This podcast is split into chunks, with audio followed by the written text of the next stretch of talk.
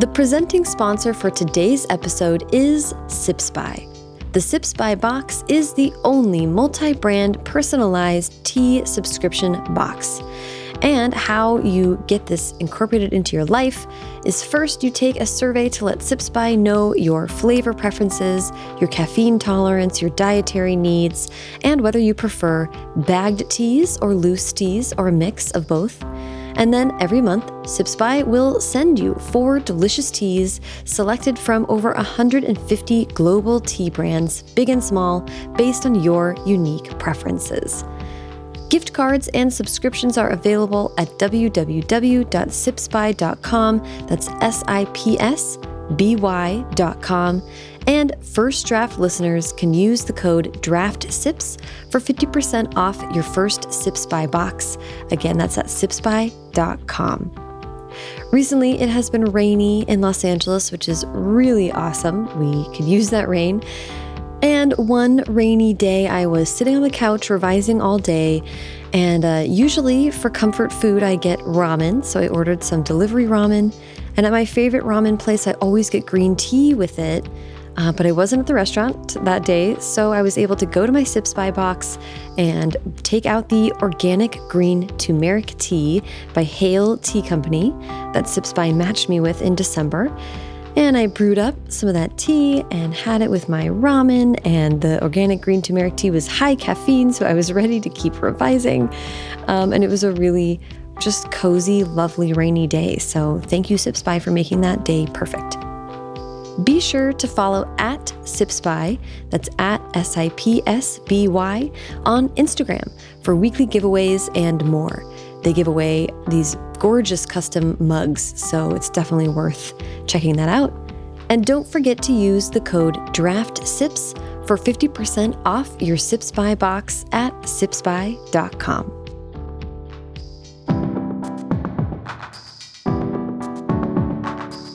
Welcome to First Draft with me, Sarah Enni. This week I'm talking to Varian Johnson, award winning author of The Parker Inheritance, Twins, The Great Greene Heist, and more, who joins us to talk about his most recent middle grade, Playing the Cards You're Dealt. Varian shares so much in this episode, including talking about his early days writing letters to Judy Blume, and he discusses the low point of his publishing career and how it made him rethink what kinds of stories he wanted to tell and how he kind of clawed his way back from that low. He talks about writing Imperfect Parents the same year he lost his father, and he gives amazing advice for writers who are considering pursuing an MFA. If you enjoy First Draft, there are a lot of ways you can help support the show. Join the First Draft Patreon where for 5 or $10 a month, you'll get access to an exclusive community forum, monthly video chats with me, 15% off all First Draft merch, and I'll give you a shout out at the top of an episode, like right now. Thanks to Elizabeth Johnson and Chelsea for joining the Patreon and supporting the show. If you want to just donate directly to the show on a one-time or recurring basis, you can do that at paypal.me slash firstdraftpod or by donating via Venmo. The show is on there at firstdraftpod. The show notes for this and every episode are packed with links to everything the guest and I talk about, and that's another great way to support the show because First Draft is an affiliate of bookshop.org, so whenever you buy a book, through a link on firstdraftpod.com, part of your purchase goes to support the podcast, and part of it goes to support independent bookstores, all at no extra cost to you. And while you're on the website, check out the shop to see all the First Draft merch including a brand new line with a logo designed by Jon Klassen, internationally best selling picture book author and illustrator who's known for This Is Not My Hat and Circle and Square and every most adorable book you've ever seen in your life. Jon Klassen just did the best job of designing a new logo for First Draft. It's a dinosaur listening to the podcast. It's so cute. And you can buy it on a t shirt or a tote bag or a sticker. And all of those purchases directly benefit the show. There's a lot of free ways to help out too, like subscribing to the podcast on whatever app you're using to listen now and leaving a rating and review on Apple Podcasts. It only takes a minute and it really has an outsized influence on boosting us in the algorithm. So if you take a minute to leave a review on Apple Podcasts, I'll also read that in the end credits. And sign up for the First Draft newsletter to be sure you never miss an episode and to hear about news and upcoming events. Okay, now, please sit back, relax, and enjoy my conversation with Varian Johnson. Hi, Varian. How are you doing today? I'm great, Sarah. How are you doing? I'm doing well. I am so excited to talk to you. I have been wanting to have you on First Draft for a really long time now, so I'm so excited we can make it happen. Yes, I've been a fan for years. I feel oh, honored and like privileged to, to be here. I'd love to first all the way back uh, and ask you where you were born and raised. I was born in Florence, South Carolina. And Florence is a fairly small town. It's about an hour from Myrtle Beach and about an hour from Columbia. We've got a little airport there three high schools. So I guess fair size, maybe 30,000 people now. I'm not, I'm not sure anymore. It used to be 20,000 when I was there, but that was over 20 years ago. That's pretty small, yeah. Yeah. I want to ask about uh, reading and writing. I'd love to hear about how reading and expressing yourself with creative writing was a part of growing up for you.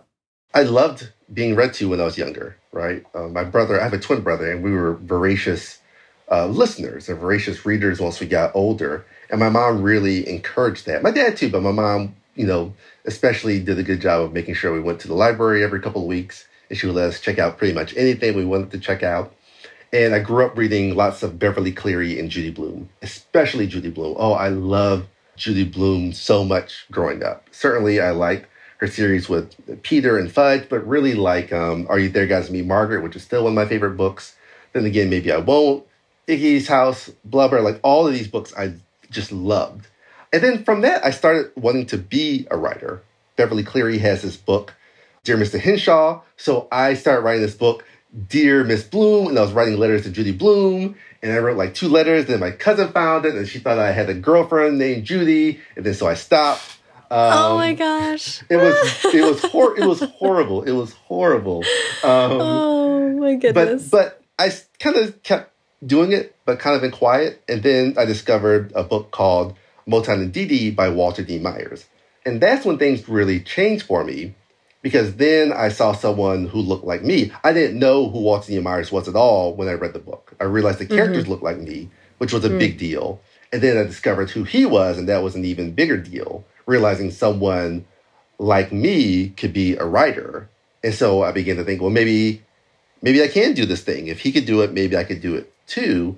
And it certainly led me to reading more books by him and by Virginia Hamilton as well.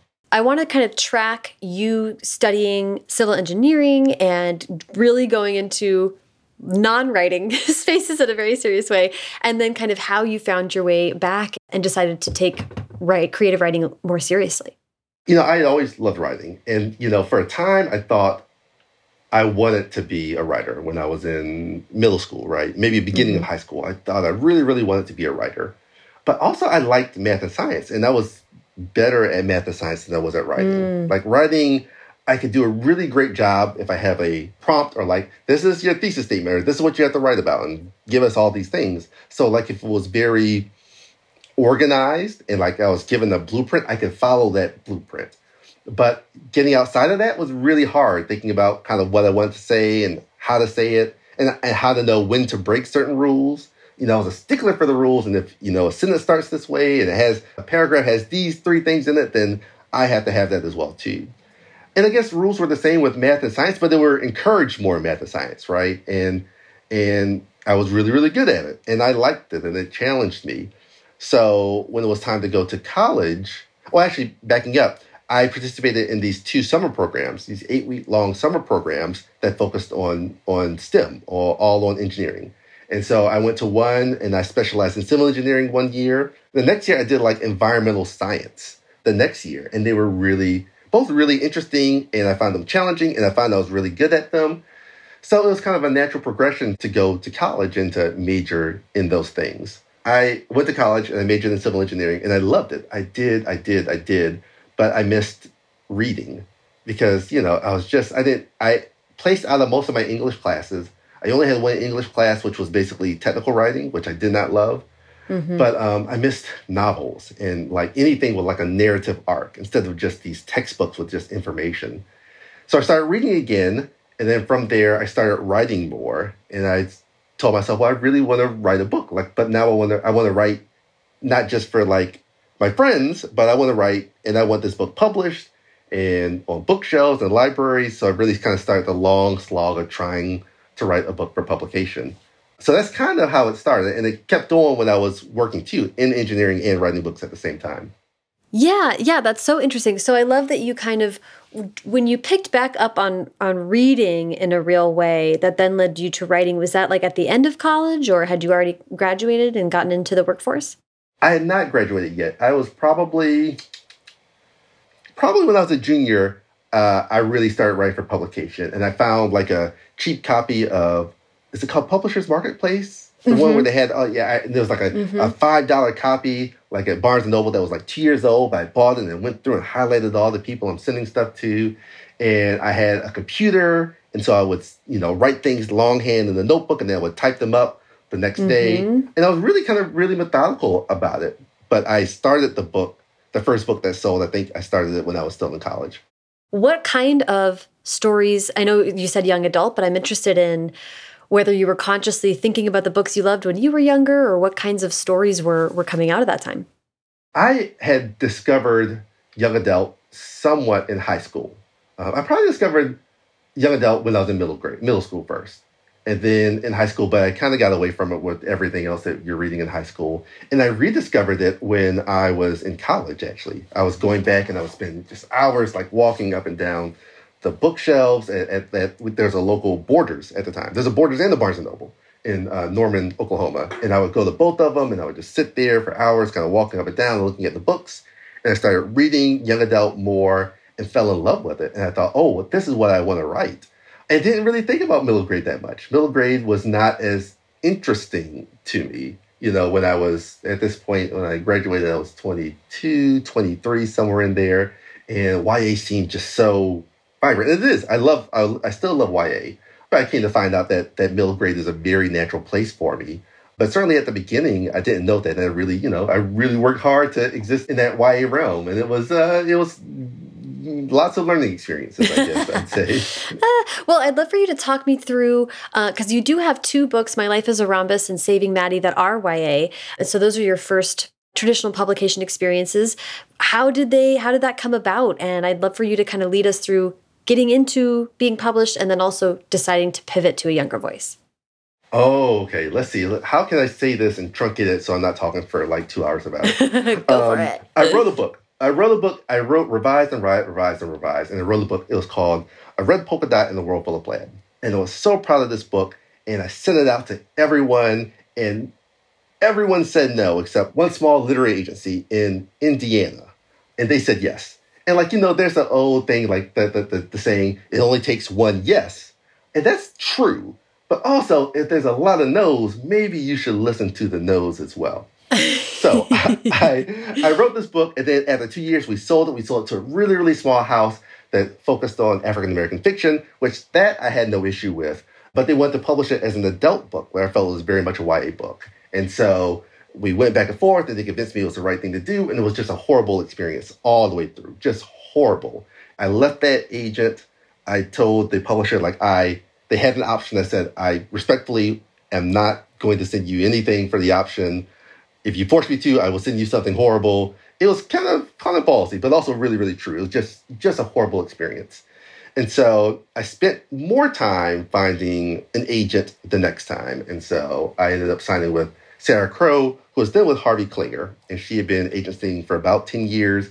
And I knew people she represented, and I read some of the books that she represented. So she checked off all of these boxes and I had a smaller pool. And I kind of had an idea too now where I'm going to send it out to X number of agents, but I'm not going to be desperate about it. If I send it out and do two, three, four rounds and ultimately don't find an agent, I'm going to put this book aside and work on something else.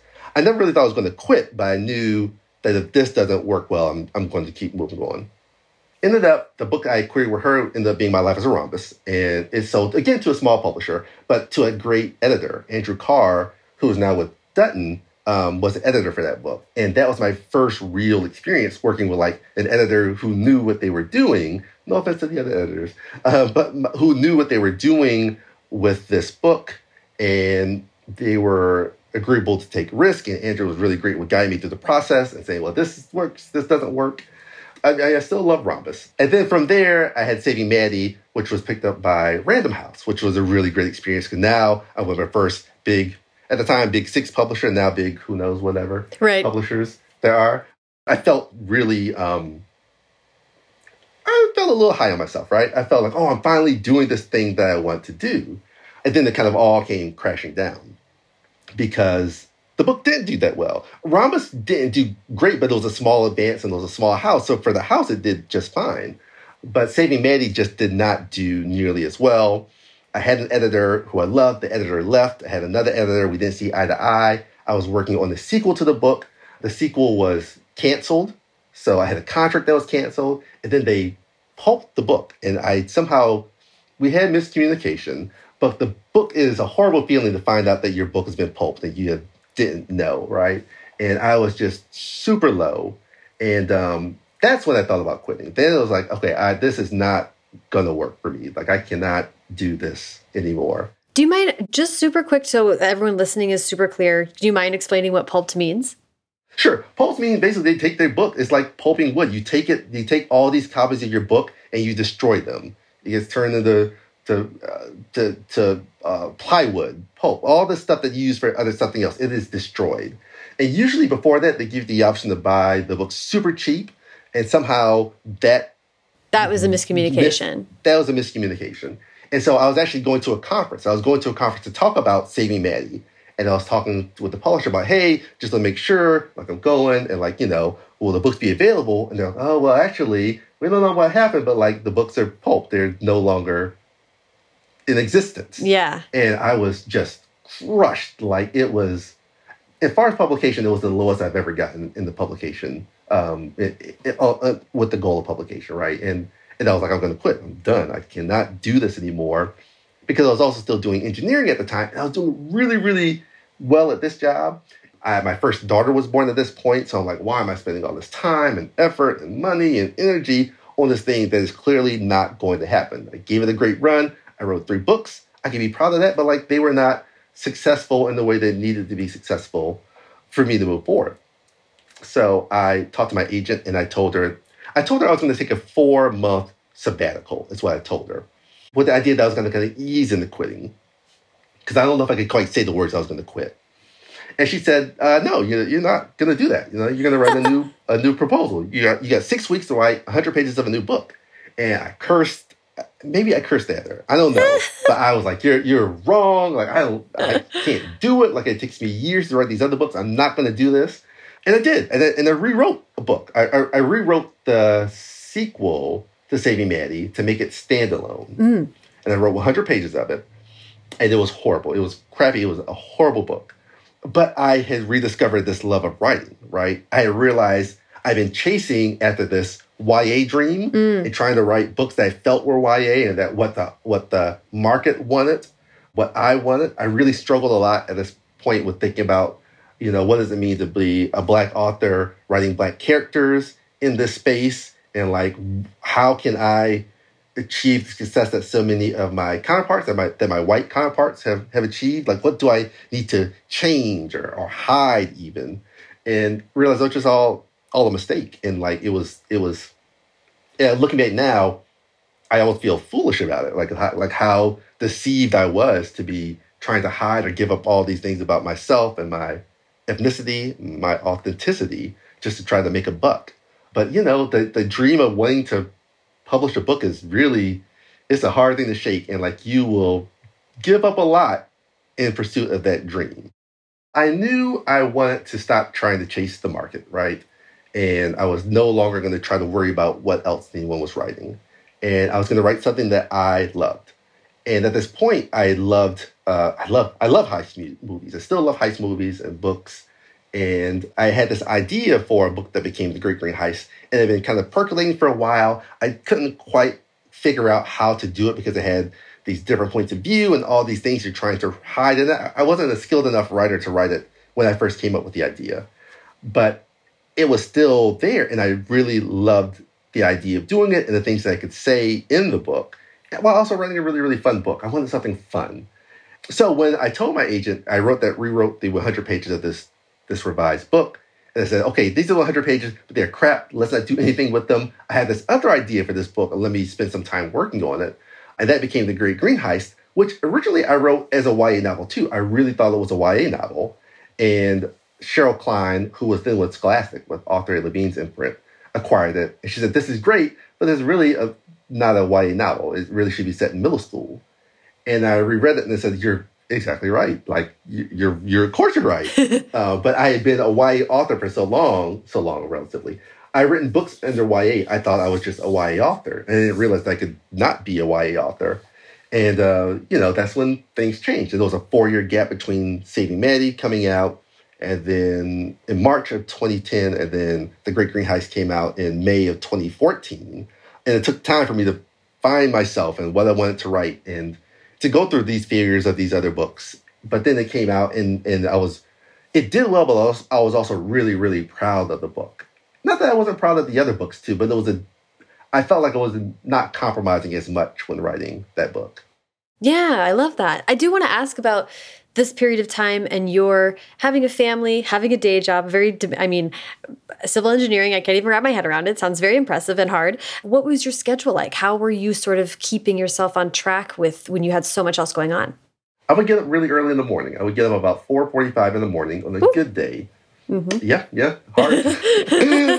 and I would write till my daughter would wake up and let's see, she was born in 2011. So yeah, two or three years old, she'd be waking up and wanting oatmeal or whatever for breakfast. So I would kind of handle that, get her off to school. I would drive to work. I would listen to audiobooks when I drove to work because um, it was about a 45 minute drive.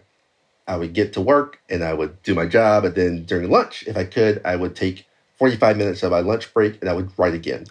And then I would write sometimes at night too, depending. If I woke up really early, it was hard to write at night. Sometimes I would write at night, but I found myself very um, hungry to write, like just to not to get published anymore, mm. but just to write the best story that I could write. And I felt like this is a really good story, but like it's got to be the best I can give it. Like I've got to give it everything I have.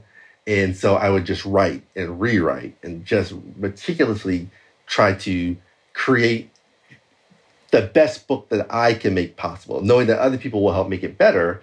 But like I need to at least carry carry the the ball as far as I can can carry it.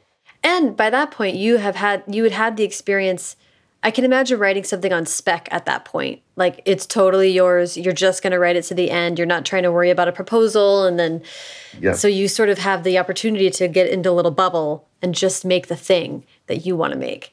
Um, yeah, I, I I felt like I don't know if I was thinking about the the market that the, when I was writing it, but I did know that like this is an opportunity, right? And I really need to like I, for fact, I mean, you can call it failure or not, but to have a contract canceled, to have a book canceled, is a is a tough blow, and it is feel it does feel like a failure, and in some ways it kind of is. In some ways it's kind of not, like depending how you're looking at it. And so I wanted this book to be the best I could do, and like if it found a home, we would find the right home for it. And if not, then it wouldn't. But at least I would not be uh, compromising the things I wanted to say in the book. At least not at this point. Every book, you know, you're gonna always you, there's always a conversation about what you can and cannot include in the book, right? But here, I really wanted to be as true to what I felt should be in the book as possible. What was the move like to take the age down, and how did you evolve in your thinking about what that allowed you to do as an author and a storyteller? Cheryl was really Cheryl is smart. I've I've worked with a lot of smart editors. She is the most cerebral of any editor I've ever worked with, right? And she she figured out how to tell me something in a way that I can't really fight it. Mm-hmm. Um, she's also legendary for writing these really, really long, super long editorial letters, which are great but also very intimidating. But I would not train them for the world. Um, Cheryl said she didn't tell me it was a middle grade novel. She said it's a middle school novel. Oh. She said this should be set in middle school, mm. and this is why. And then she said, and because of that, you know, we could set it as YA or middle grade. I think it works better as middle grade. It's going to be a tweener book. And like, there are pluses and minuses with that. But at the end of the day, what's right for the book is for the characters to be set in middle school, Do you agree? And I was like, I I agree. I don't disagree. even reading it, the tone of the book and nothing, that romance wasn't even very heavy. There was very, very little I had to change in the book mm-hmm. for it to go from um, high school to middle school, like very little. And I remember thinking, yeah, this this probably should have always been that way. And I've been reading a number of books that used third person omniscient. It kind of jumped around. I read The Westing Game a bunch of times.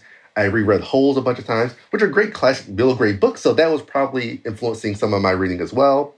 I read um, Ally Carter's uh, wonderful Heist Society series at this point, and I knew I didn't want to do what she was doing. And so I was taking a different take with it. And maybe all, all that played into it. But Cheryl said just the right things for me to realize, oh, this needs to be for this for this book, this is where it needs to be set. And also kind of reassuring me like market is important, but like it can't drive what's right for the book. Like we got to do what's right for the book, and then we will figure out the other things. And some of those are outside of our control, but like for the book, this is what we need to do. Uh, and, and you know, she was she was exactly right. Yeah, that's so wonderful. It also changes what your professional life as an author is going to be because middle grade authors have the opportunity to go into schools and they talk to more teachers and librarians and so it's kind of a shift in focus from like maybe a one-on-one with a reader to a little bit more of a community kind of mindset or that's how I perceive it anyway. So I'm interested in what what your feelings were like around that or what your experience was like publishing that book versus the previous ones. Uh, it's, it's been great. I love I mean I love talking with teachers and librarians. And uh, I love talking with end readers too but the conversation is different whether I'm talking with a with a kid who's in fifth or sixth grade versus someone who's in tenth, eleventh grade. And both conversations are great. They're just different. You know, I don't know if I really knew. I I read plenty of middle grade prior to writing The Great Greene Heist, but I didn't really know that world as well. And certainly the professional part of it. And then once I kind of got introduced to it, I loved it. I like I really love speaking with I love speaking with librarians. I love speaking with librarians. I, I feel so much more comfortable speaking to them than with, say, the end reader. Not that I don't love talking to end readers, but I can geek out about so many other books. I don't like talking about my books sometimes. I like talking about other people's books. Uh-huh. And with the great librarian, you can talk about all these other books and you like throw in a little sprinkle about yours, but talking about all these other works as well. I know that happened with YA as well too. I don't want to say it didn't, but I was having more interactions with with high school students, and that's it's great. I love some of the conversations. Certainly with Saving Maddie and with My Life as a Rhombus, I would have these great conversations with high school students um, about the book and things going on in their lives what was important to them. But I could have similar conversations about young readers who, with young readers. And what was interesting was that high school students often always had their mind set up. This is right. This is wrong. This is what I believe. And that's great it's also really interesting talking to a younger reader who's not sure yet, who's discovering who they are and who they want to be, and exploring that through books and thinking about things in different ways because of a book. Uh, and I found a lot of joy in that. Uh, I, I don't want to say power, but I found purpose in that. Maybe that's a better way to say it. I found a lot of purpose in that. Yeah, I mean, what comes to mind too is is uh, thinking back to young Barry and feeling such a connection to Walter Dean Myers and finding that, yeah. um, and knowing that you could be that person for another young reader. That's like heavy to think about it that way, I guess, or maybe I don't know, intimidating. But um, uh, how do how do you think about that? I try not to think about it that way. I think it's. yeah. I mean, I think. I mean, so like I know I know I love doing school visits, and I've done certainly plenty of virtual school visits over the years. I've done a number of in person. I will still always love an in person visit, visit where someone can see you and interact with you because I do understand the power of seeing someone who looks like you creating something that you want to create, or just seeing that there's a different avenue or opportunity. With that, I think it's so important for people not of my race or my culture to see me doing something too. Like, I think people of color, black people, black people from the South, we are still a monolith. And there's still many different ways to exist as a black person from the South or living in the South and what we believe and what we do and how we talk. And so I want them to be exposed to all these different experiences. And you know, as part of my mission when, when I when I do school visits. I want them to see me. I want to interact with students. And I don't want them to feel like I'm some like big, lofty author. I will often sit down with them. I try to have lunch with them. I try to just humanize who I am because I want them to think, well, they can do this too, or whatever you see on TV, what is the, the stereotypical view of of a black man, the angry black man, the threatening black man, like that's not true, or that's only a part of who we are and who we can be. And here I am, I'm a little geeky, mild mannered guy who likes to write books. So let's geek out and talk about books, about what you're you're passionate about. I think I just want them to see all of that. I also want to talk about your trajectory from there and kind of having this whole different publishing experience. You're in this like new world. How did you feel about that? And how did you and your agent talk about like how to move forward? You know, the Great Greene Heist was is an amazing experience. And I I'm really proud of the book. And the community really embraced it as well, too. There's so many people behind the book. There were lots of um, authors and independent bookstores got behind this thing that, that Kate Messner kind of thought of, the Great Greene Challenge, and encouraging uh, booksellers and readers to pick up this book that featured a multi-ethnic cast and that's fun as well too that, is, that it doesn't have to fall into what the stereotypes that we think about when we think about books about people of color.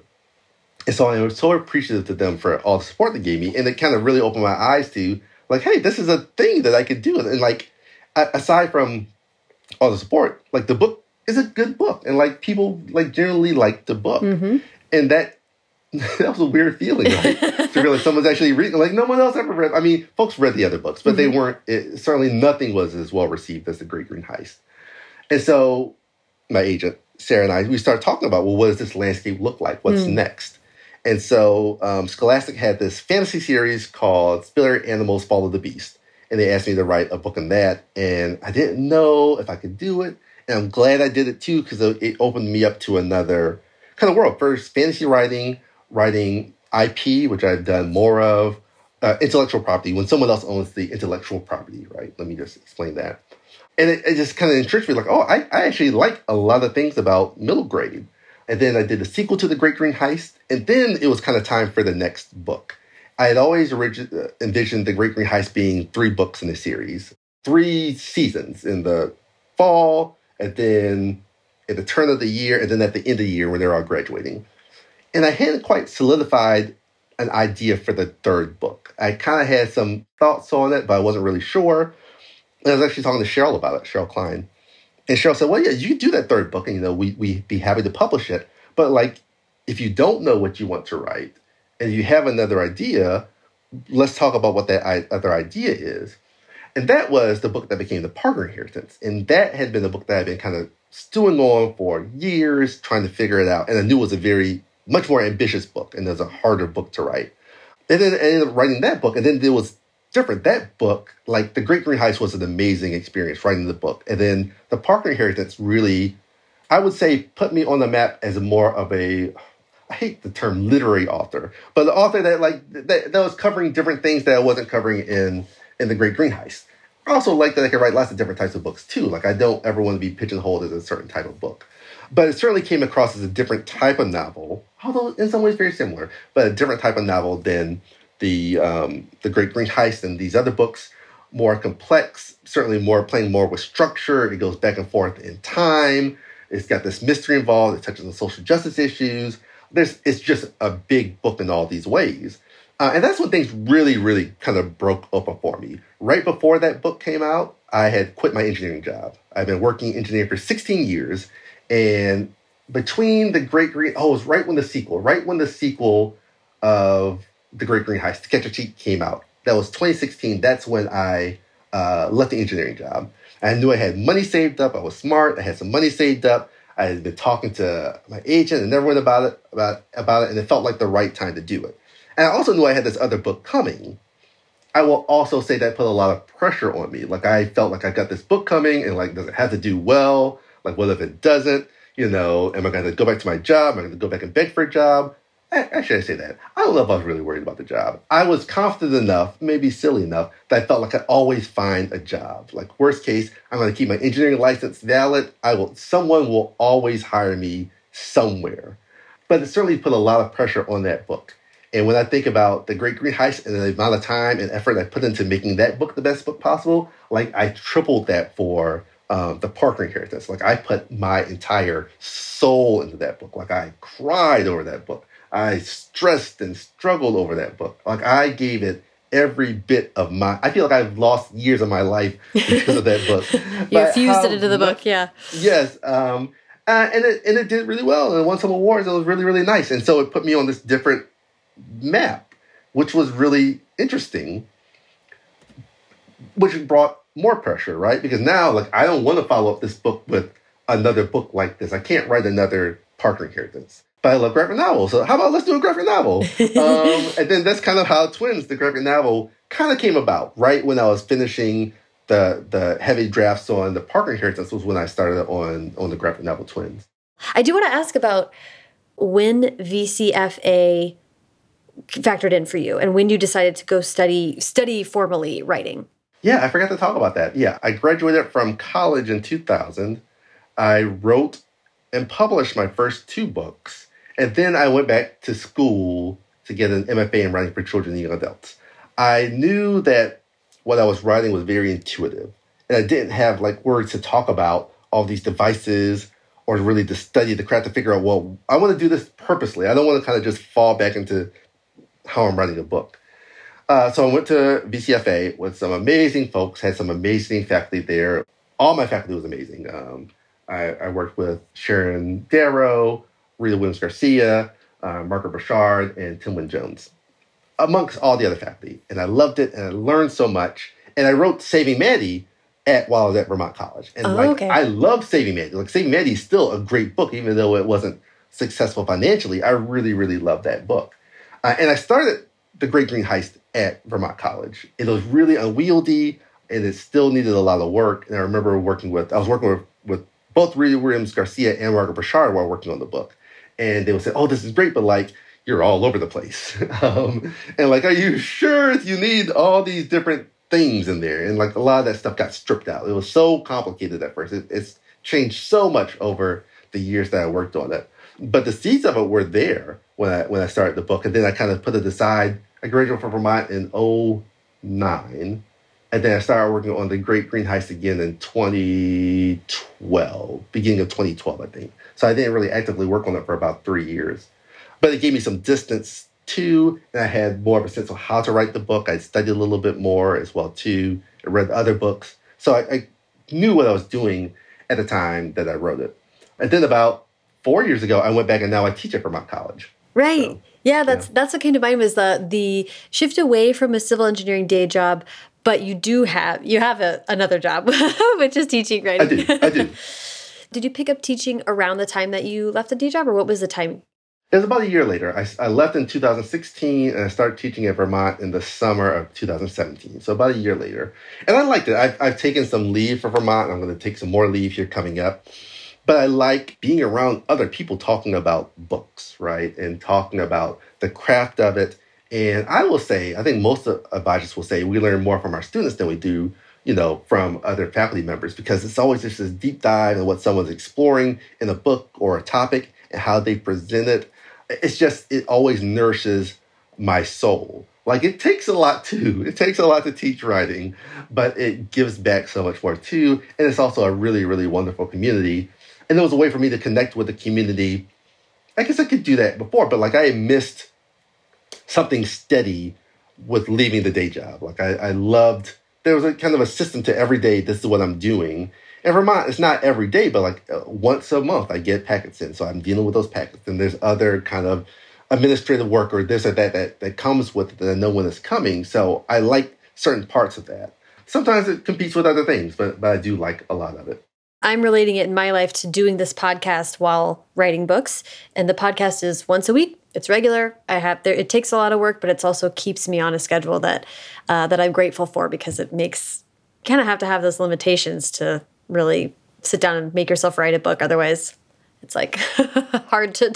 yeah, exactly. You're all yeah. over the place. Exactly. Yeah. yeah, that's and it's kind of interesting to think about you having the the Parker inheritance experience while surrounded by the really smart and wonderful people at VCFA, many of whom had had similar experiences as far as awards and things like that. That's a whole other side of publishing that like you don't necessarily like learn about in any other way. So what was it like to have that community support while you were going through that kind of explosion of interest?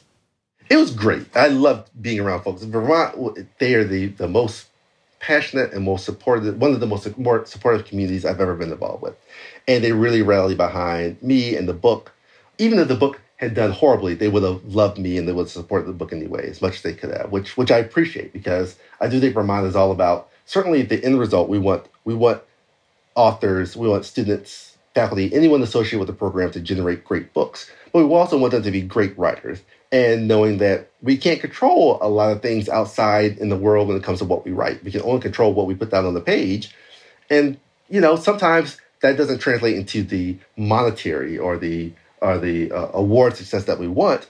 And the book might be deserving that. But also, it's just hard to write a book in general. We can celebrate how hard it is to write a book and the skill and the craft it takes to write something and to have a schedule and dedication to do that. I mean, I will say I loved the experience and I never want to go through that experience of writing a book like the Parker Inheritance again. I really, I started going to therapy right before I was working Parker Inheritance, right? And, uh, and like uh, working through all these things, like the stress of leaving a job, the idea of failure, like putting way more emphasis on this book than was probably healthy looking at the book as a measure of myself. Okay, if this book fails, then I'm a failure, which is not smart, right? And like I can tell myself that and also still feel like, well, but it's still true because like this is the book that's coming out and I quit this really paying job and like what am I gonna do if it doesn't do well? Like yada yada yada. You know, it was fortunate. I'm really glad I had people who were supportive of the book, even outside of the award stuff, who were just like, hey, you did a really hard thing and a really great thing. Kudos to you. That's that's really nice. Yeah, and I appreciate you speaking to that because that is very. Um, I'm having the experience of just getting ready to go on sub with a book that I've been writing since on and off since 2012. So I'm like, mm.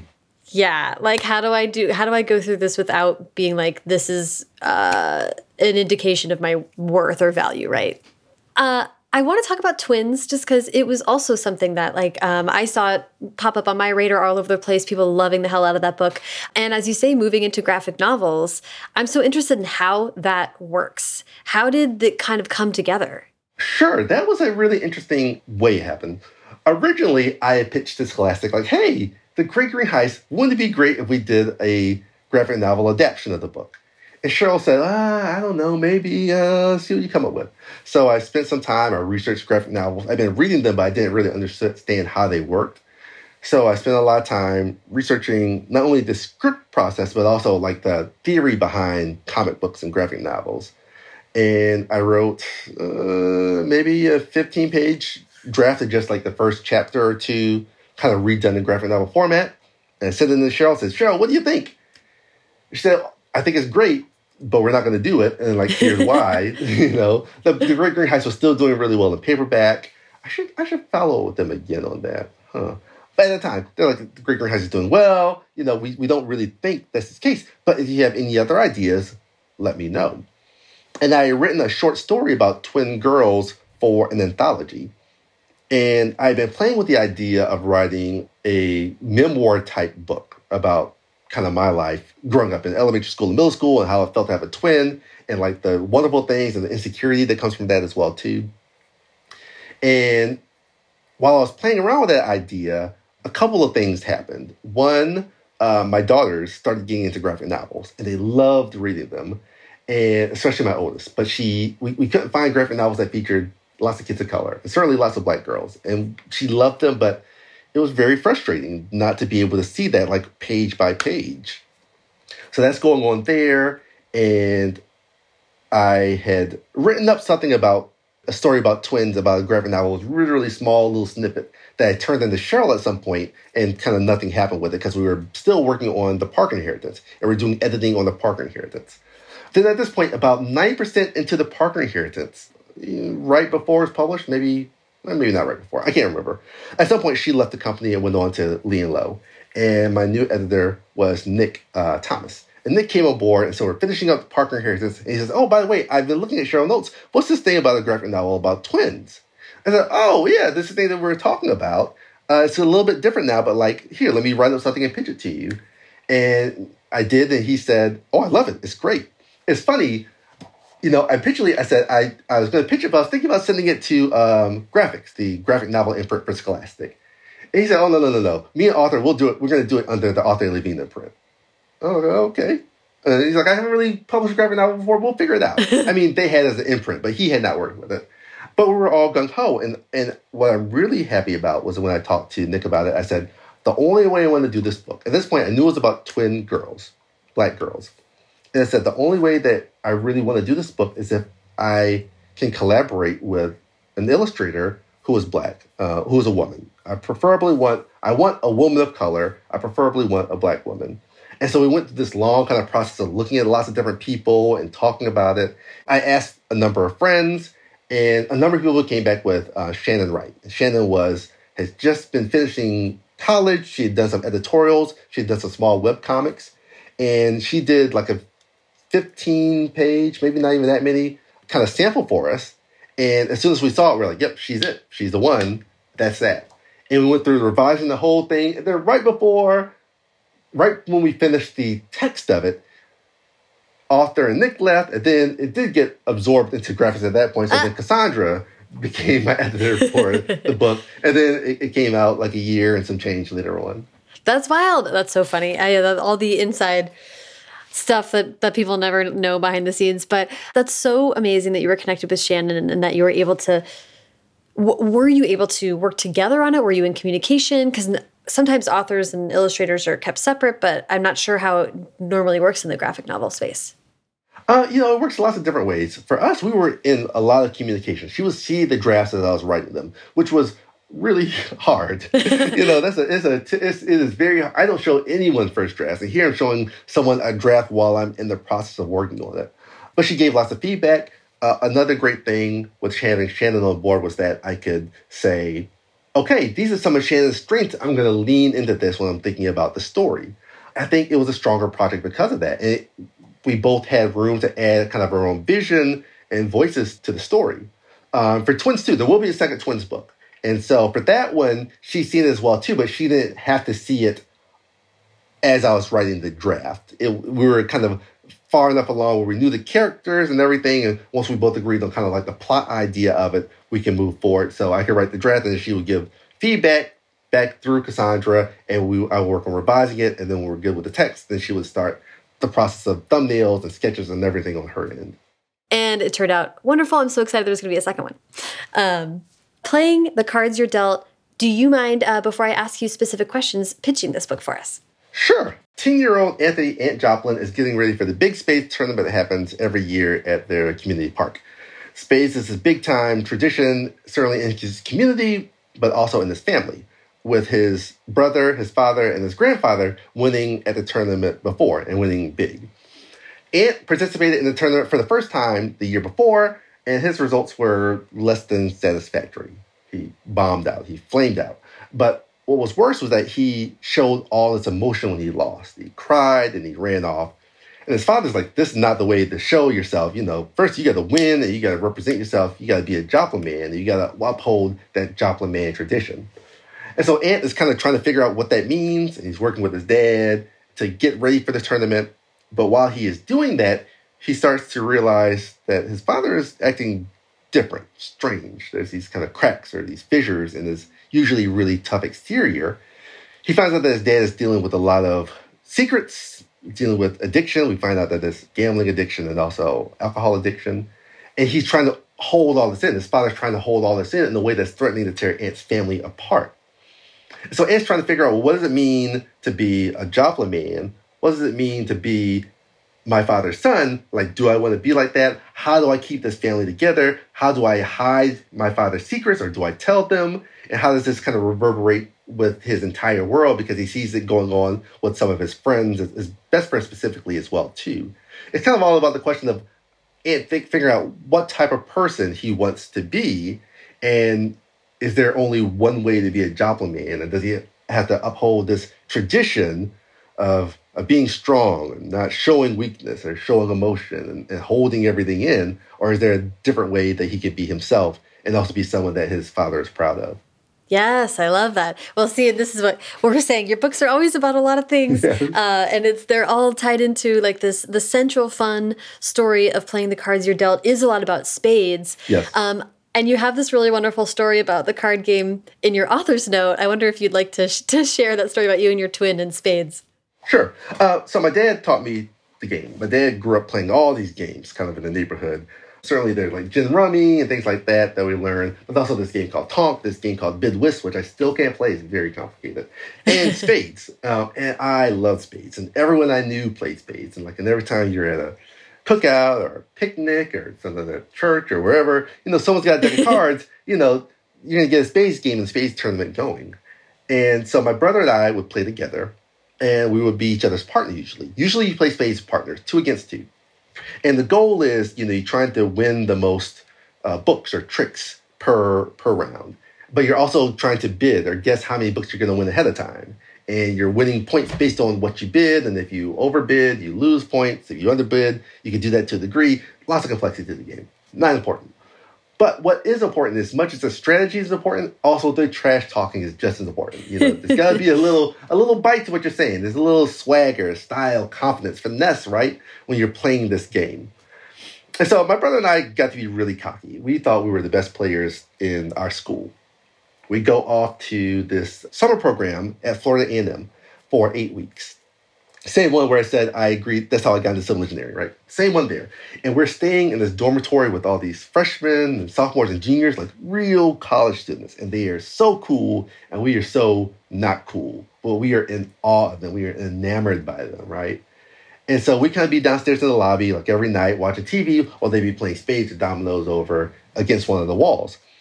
And one day, uh, four guys are playing, again, two against two, and one team loses and they get up and one guy lets us, hey, well, who's got next? He's looking around, like, Who, who's up? Who wants to play? And no one is around. So he looks at my brother and I. He says, hey, twins, y'all want to play? And so my brother look at, and I look at each other. We're like, yep, this is it. This is our chance. We're going to show what we got. We're going to run off the table, right? And we get smoked. Like we are destroyed. we are destroyed in this game. But we obviously we get up. He's like, well, don't walk off. Wait, wait, wait, wait, wait around. You can play again, and you know, look and see how everybody else is playing. And so we start paying attention, and we play more and more, and we get a lot better at it. But we also become more confident, and we're hanging around with these high, these college kids at this point, right? And we feel really cool, like we're part of the in crowd, like we are like big deals. We feel like, and I loved hanging around them. But then, you know, they would sometimes say things that weren't that cool about other guys or about young women, especially in the program. And like everyone's laughing, and am I supposed to laugh too? It's not really that funny. And then some of them would drink a little, and then they would drink a lot. And then when they drink a lot, they would be even more angry and, and mean and hurtful. And it really is like, do I do I value these guys enough to be around that? Do I want to become that? Is this really cool? Like this is like totally changing my opinion of, of these guys who I were so was so enamored with, now they don't seem that great. And I always think about being 16 years old and being in that position around these guys that I just met two or three weeks before, and then with someone like Ant, who is seeing it in his father, someone who is he has idolized since before he could walk, right? And now seeing all these pictures in his father and realizing, is this how I have to be? Is this how I want to be? Is he wrong? Like, my father's never wrong, but now he's wrong and how do I keep all these secrets and how do I deal with all this stuff inside? So that all kind of led to the writing of the book. Yeah, yeah, I love that story. That and that's uh, um, I see so many parallels between yeah what you explore in the book and that story. Most representations of card playing, I just think poker right away, which is like a very individual individualistic sport. And I'm gonna this might be a leap, but I'm gonna tie in how you've chosen to portray cards with how you've also chosen to portray gender roles. And I'm going to talk about gender in, in the binary form. Of course, we know that's not all there is to it, but in this, we're kind of talking about.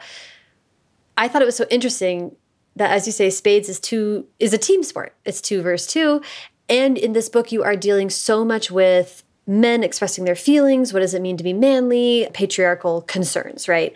And I loved how you explored it by kind of saying, as opposed to this individualistic sport, poker, bravado, we're talking about a game where you have to be on a team. And Ant at some point want I don't know if this is a spoiler or not, but at some point Ant wants to be a teammate with a young girl. Maybe, maybe there's maybe he wants to be around this young girl for other reasons, but she's a great card player. So, and I love how you explored what it the breakdown of the gender dynamic and the quote unquote masculinity when he has to be considerate of someone who is on his team with him. I'm just interested in how kind of how you thought about that. Uh, sure, you know, I certainly want to talk about toxic masculinity, right, and how we view masculinity, and, and there's not one way to look at it, but also there's some things inherently um, built into this idea, patriarchal, I guess, and, and and the idea what it means to be a man, and if you're not doing it a man this way, you're not really truly being a man, and right, and again, talking strictly in the in the binary sense, and we know that's not the case here.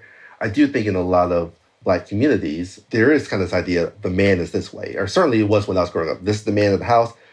His way goes. This is how you be a man. And I think we're realizing that's not always the case. There's lots of different ways to be yourself, to be your own person. So I wanted to play with that, and I wanted to play with Ant playing with Shirley, who is, I would argue, is a better card player than him, and how they are partners and then friends, and how that is forming, right, and how they're forming to be partners outside of the table, right? Uh, uh, away from the card table, and what it means to be a good partner for someone, to have their back, to be able to lean on them when you can't really stand on your own, right? And, and that's good life lessons as well, too. I want to kind of play with the idea of that and Ant and Shirley and how they're interacting, and Ant opening up to eventually Shirley and talking to her about things versus Ant's father, Roland, and Ant's mom, and how Roland is holding everything in. And he's not being a good partner. He's got his own idea about what it means to be the man of the house and how to provide for the family, but that's in a way that's detrimental to everyone else. And you have a partner for a reason. Lean on them when you need help. And, and that's something that he's just really unable and unwilling to do because of, of this idea of shame and weakness of, involved with needing help. And Ant kind of learns to lean into that a little bit more, and it brings them to such huge relief and trust and Shirley, you know, is a hard person to, to like at first too. Like she's very braggadocious and like she has to soften and change a little bit as well too as they get to know each other and they can both lean on each other for different things that they need. Yeah. All in the way dealing with like again gender roles and I don't want to talk about gender roles, but like how you don't have to have gender roles, right? Like there's gender roles are a construct, right? A, a, a man must be this way, a woman must be this way. It's all BS, right? It's just about being a great person and being a great person for yourself and being a great person, a friend for your friends or for your partners or who you need you. So that's kind of how it all came about and and and worked itself out as, as I was drafting the book. Yeah, I love that. And there's so much tied into to what you're talking about too. There's so much that is passed on to Ant through generations, through older brothers, through friends, older brothers. There is sort of a community where he's picking up cues. How do I want to be? Of course, that's what all middle grade books are about. Sort of like what what feels right to me. What am I being told? The tension between those two things. But uh, you know, I just am interested in how you thought about his evolving relationship with his father, and he's wanted to carry on the messages he's gotten from his father. And you sort of, over the course of the book, you know, his father, he sees his father differently. And his father's behavior becomes more and more worrisome. And again, I'm just curious about how you thought about I still felt empathy for his dad. So that's a tricky balance. Like you're not trying to create a villain. So how did you kind of balance those two things and, and put us in Ant's place? Yeah. I think, in my mind, no one is really a villain in the book. I think some are probably easier to root for than others, right? I think um, Ant's best friend Jamal, I feel a lot of empathy for him. Uh, I feel less empathy for Jamal's brother Taj, right? But like, I can also think about their backstory and like how certain things shape who a person is and who they might be emulating. Uh, same with with uh, Ant's dad. Like I, Ant's father is not, in some ways, is not a bad guy. Like he wants the best for his family. He loves his family and his children and his wife. He just has a maybe the wrong way of showing that love or figuring out how to provide for them to be a good father or partner. Doesn't mean he loves them any less. He's just making mistakes and he's kind of doubling down, tripling down on some of those mistakes. And so I wanted the reader to have empathy. I mean, Ant loves his father, and like Ant is still struggling with the idea, I love my father and he's not perfect. And the idea, I remember my dad passed away earlier this year. And I can remember when I realized like my dad was mortal, like he was not a perfect person. And like in some ways, I was crushed, right? Because my, my dad is like everything, like he could do no wrong, right? And I was, oh, well, he's not always right about things. And like my dad was didn't have nearly the, the same issues as as Roland has in the book well, like no one is parent perfect. No parent is perfect. No child is perfect. And when you start to realize someone who you kind of idolize is not perfect, you kind of have to you kind of go through something for a second and, and re- have to kind of reassess what does that mean. And then you know hopefully you learn to love them despite their flaws and even because of those flaws and endears you to them. But it's not the same as like wholeheartedly believing everything they say and trying to be just like them. You've kind of got a different path now. And I think that's what Ed's experiencing. He's realizing his father is not perfect. And what does that mean for me? Because all I've ever wanted to do was be like him. And now I don't. I, I, I can't even. Like he can't be like his father. Like he will just crumble even even he's just not built that way and realizing that it's okay, even if a father doesn't at first think it's okay, you know. Yeah, I'm sorry to hear about your dad. Thanks, thanks. You know, it, you know, it's it was hard, right? It was. I'm doing pretty good. Like I, I have done a many talks about this book, and all of them except two, I kind of end up crying at some point of it. So we'll see if it happens on this one. And I will say it was really nice. We, I was able to dedicate the book to my dad, which was really, really um, very sweet. We were really, really late in the process, and I emailed my editor. My editor for this book is Jenny Abramowitz with Scholastic. I said, Jenny, can we just make this change? And she said, you know, it's late, but we're gonna we're gonna do our best to make it. And I'm really, really thankful that they were able to change the dedication to him. Good, good, good. I'm glad they could make that change for you. There's so okay, and this is another question where I'm like, spoiler, no spoiler, but I want to ask about the narrator. Um, sure, yeah, yeah. so, so you can let me know, kind of guide us whether um, you want to reveal who the narrator is. But regardless of whether you know who he is, you know there's a narrator. He is very colloquial and he is very conversational with the reader, and he's definitely not shy about giving his opinion. And at some points, even sort of like maybe maybe poking his way in and uh, yeah. having his way yeah. with the characters. Um, it was so fun and such an interesting way to construct the story. So I would just love to hear about how you came to that and what was it like to embody that voice. Sure. Going back to the Great Greene Heist, right? The Great Greene Heist was great because Jackson is very skilled in this idea of pulling off all these cons and heists. And like some of his crew is too, but in some of them, he's got this guy named Hashemi who's not doesn't know quite everything, and then Charlie sometimes knows stuff and doesn't. So they can kind of play off that, and the reader can pick up things, or I can hide things as well too when I'm having those conversations. But when I need to explain stuff, I can have the characters talk to each other because there's always another character who knows less about kind of that world. So as they're explaining it to the character, the reader gets that information as well. For this book, I really wanted it to be like like a card shark, like to be in that world. And I wanted most of the people he played with to be in that world too. So first I had to think about, well, how do I explain the game of spades to people when the characters already know the game? And so I finally landed on, well, I'm going to have to use an omniscient narrator, an omniscient narrator who gives a direct address to the reader at some point. And once I decided that, then I thought, well, okay, that's great. But now, if they're going to be direct addressing that present, then who is this narrator? Or, or, or what type of style is this narrator going to talk in? And so kind of I embodied this idea of these like the old black men who be at barbershop all day with no shit else to do, excuse me, with nothing else to do, just sitting there and just hanging out. Like, you know, you know, who still dressed like they're from the 70s, drove Cadillacs, ate pork chop sandwiches, whatever the case is. Like I wanted to embody this very type of person I knew growing up. So I leaned more into that, kind of like the the colloquialisms, like what they say, how they spoke, how they compared things. Uh, and then that character kind of took a life on its own, and I thought, well, this this is really interesting. Like I have a really strong belief about omniscient narrators, whether they're present or whether they're really kind of hidden. Anytime you have an omniscient narrator, they cannot lie to the reader. Like they have to be truthful. They can mislead, but they can't lie. And so with that, I thought, well, okay, well, this character, maybe they're not being they're being truthful, but they also have their own opinion, and their opinion can be wrong. And maybe they will change their opinion throughout the course of the novel. So that's where all that kind of came in. And then we obviously find out more about the narrator at the end. At some point, I realized, oh, wait, I think I know more about this narrator.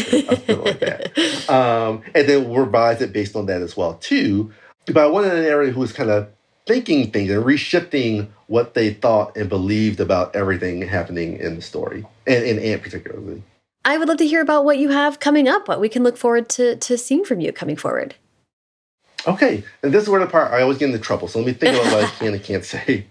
Um, I do have a Y. I have another YA book coming. It's a YA graphic novel with DC Comics. Awesome. I'm doing a book about uh, a character named Scott Free, Mr. Miracle. These are all characters created originally by Jack Kirby.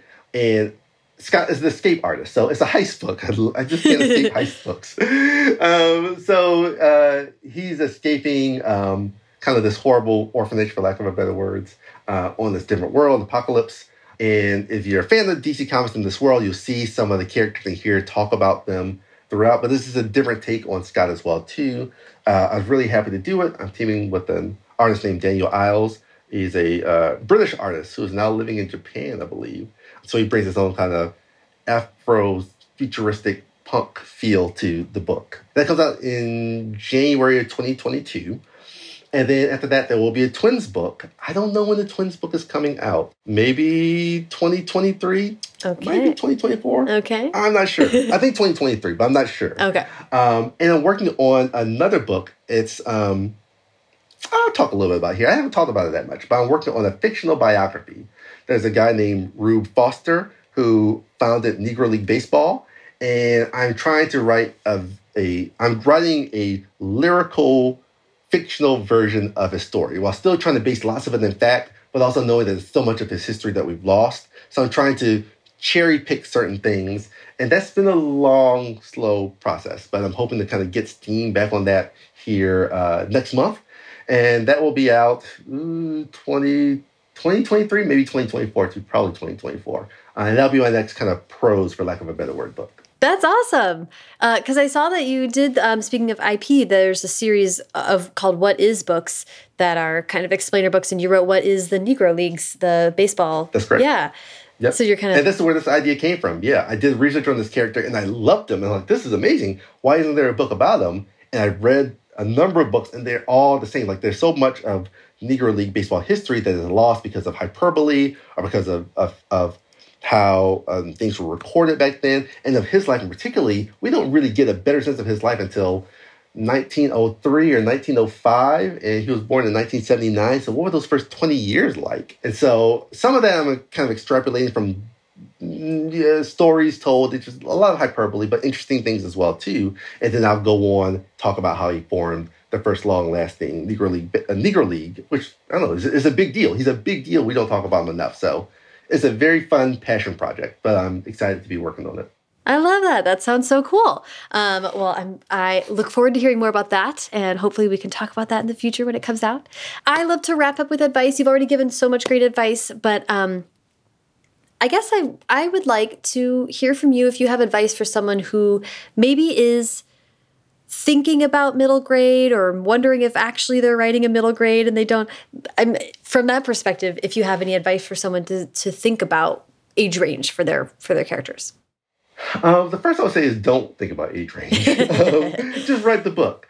But I will say, when writing, within writing anything, you're going to want to read a lot, right? But I think we often forget there's all these different types of wonderful middle grade books. Like I will often see folks say, "Oh yeah, I read all these Newbery books." And like that's great, read those books, right? But like one book every year wins the Newbery Medal, a handful more win the honor. There's all these other amazing middle grade books. Read those as well too, because more than likely, whatever type of book you're writing, whether it falls more in the commercial or literary or memoir or, or science fiction, fantasy, whatever the case, those exist already in middle grade form. It's all about reading them and finding out what your take is on it. And then thinking about what you're what you're trying to say in your middle grade. What are you trying to say about these characters at this age? What makes it middle grade as opposed to YA, as opposed to say early reader? Not that you should worry about that too much. Write the book you need to write, but like middle grades traditionally have the sense of a character figuring who they are in relation to family, right? Whereas why YA often thinks about who they are in relation to the world as they're coming into their own in the world versus they're coming into their own in the family. It's not always true, right? Not not nearly always true. You know, but there's also a certain age band that kind of falls in the middle grade too, and thinking of, about that and and what is what is that voice. But certainly, I guess read, read bunches, read bunches, and read contemporary stuff. Like I love. I'm gonna take Holes. Holes is a great book. I still would argue that it is I don't want to say it's the best middle grade ever written, but it's a superb middle grade. It's also over 20 years old, right? And so, as great as it is, it's a certain type of middle grade. There's amazing books like uh, Jacqueline Woodson's Brown Girl Dreaming, which is novel and verse, which is just as an exquisite middle grade. Or Rita Williams Garcia's One Crazy Summer, and, and those books. Um, there's all these wonderful books that are more recent that's worth reading to see well what is the the temperature like now in middle grade knowing that they're not following trends but just thinking about what is being published now as you're on your own journey into writing writing middle grade yeah. Yeah. And if you'll indulge me, one last thing, just because I don't often get to talk to faculty on the show, but I'd love to hear, you know, if somebody's considering not necessarily just VCFA, but a, an MFA or, or pursuing um, writing in a more formal environment. When is that right for someone? How should they think about that? Sure. Um, you know, it's here's the thing: uh, writing, getting an MFA is not going to promise anyone publication.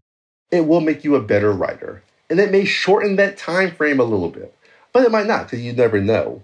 I will say, when you think about that, I think you should be writing on your own first and reading books and maybe trying publication, maybe not. But but at some point with an MFA, I think you realize you want to learn more about something, about this craft. You want to get better at it and you're not able to do it on your own.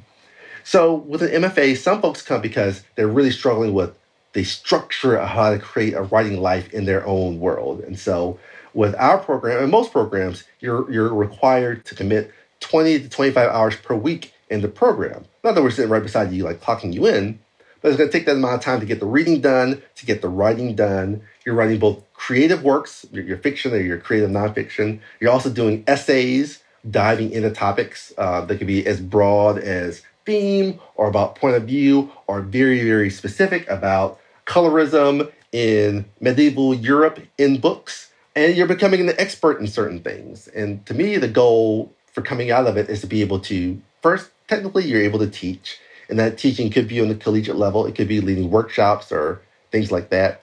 But you're also kind of a jack of all trades in understanding how to read and critique most types of books for young people while being a specialist in certain specific areas. I think it makes you a better writer to get an MFA. It may not promise publication, but it'll make you a better writer and a better critic.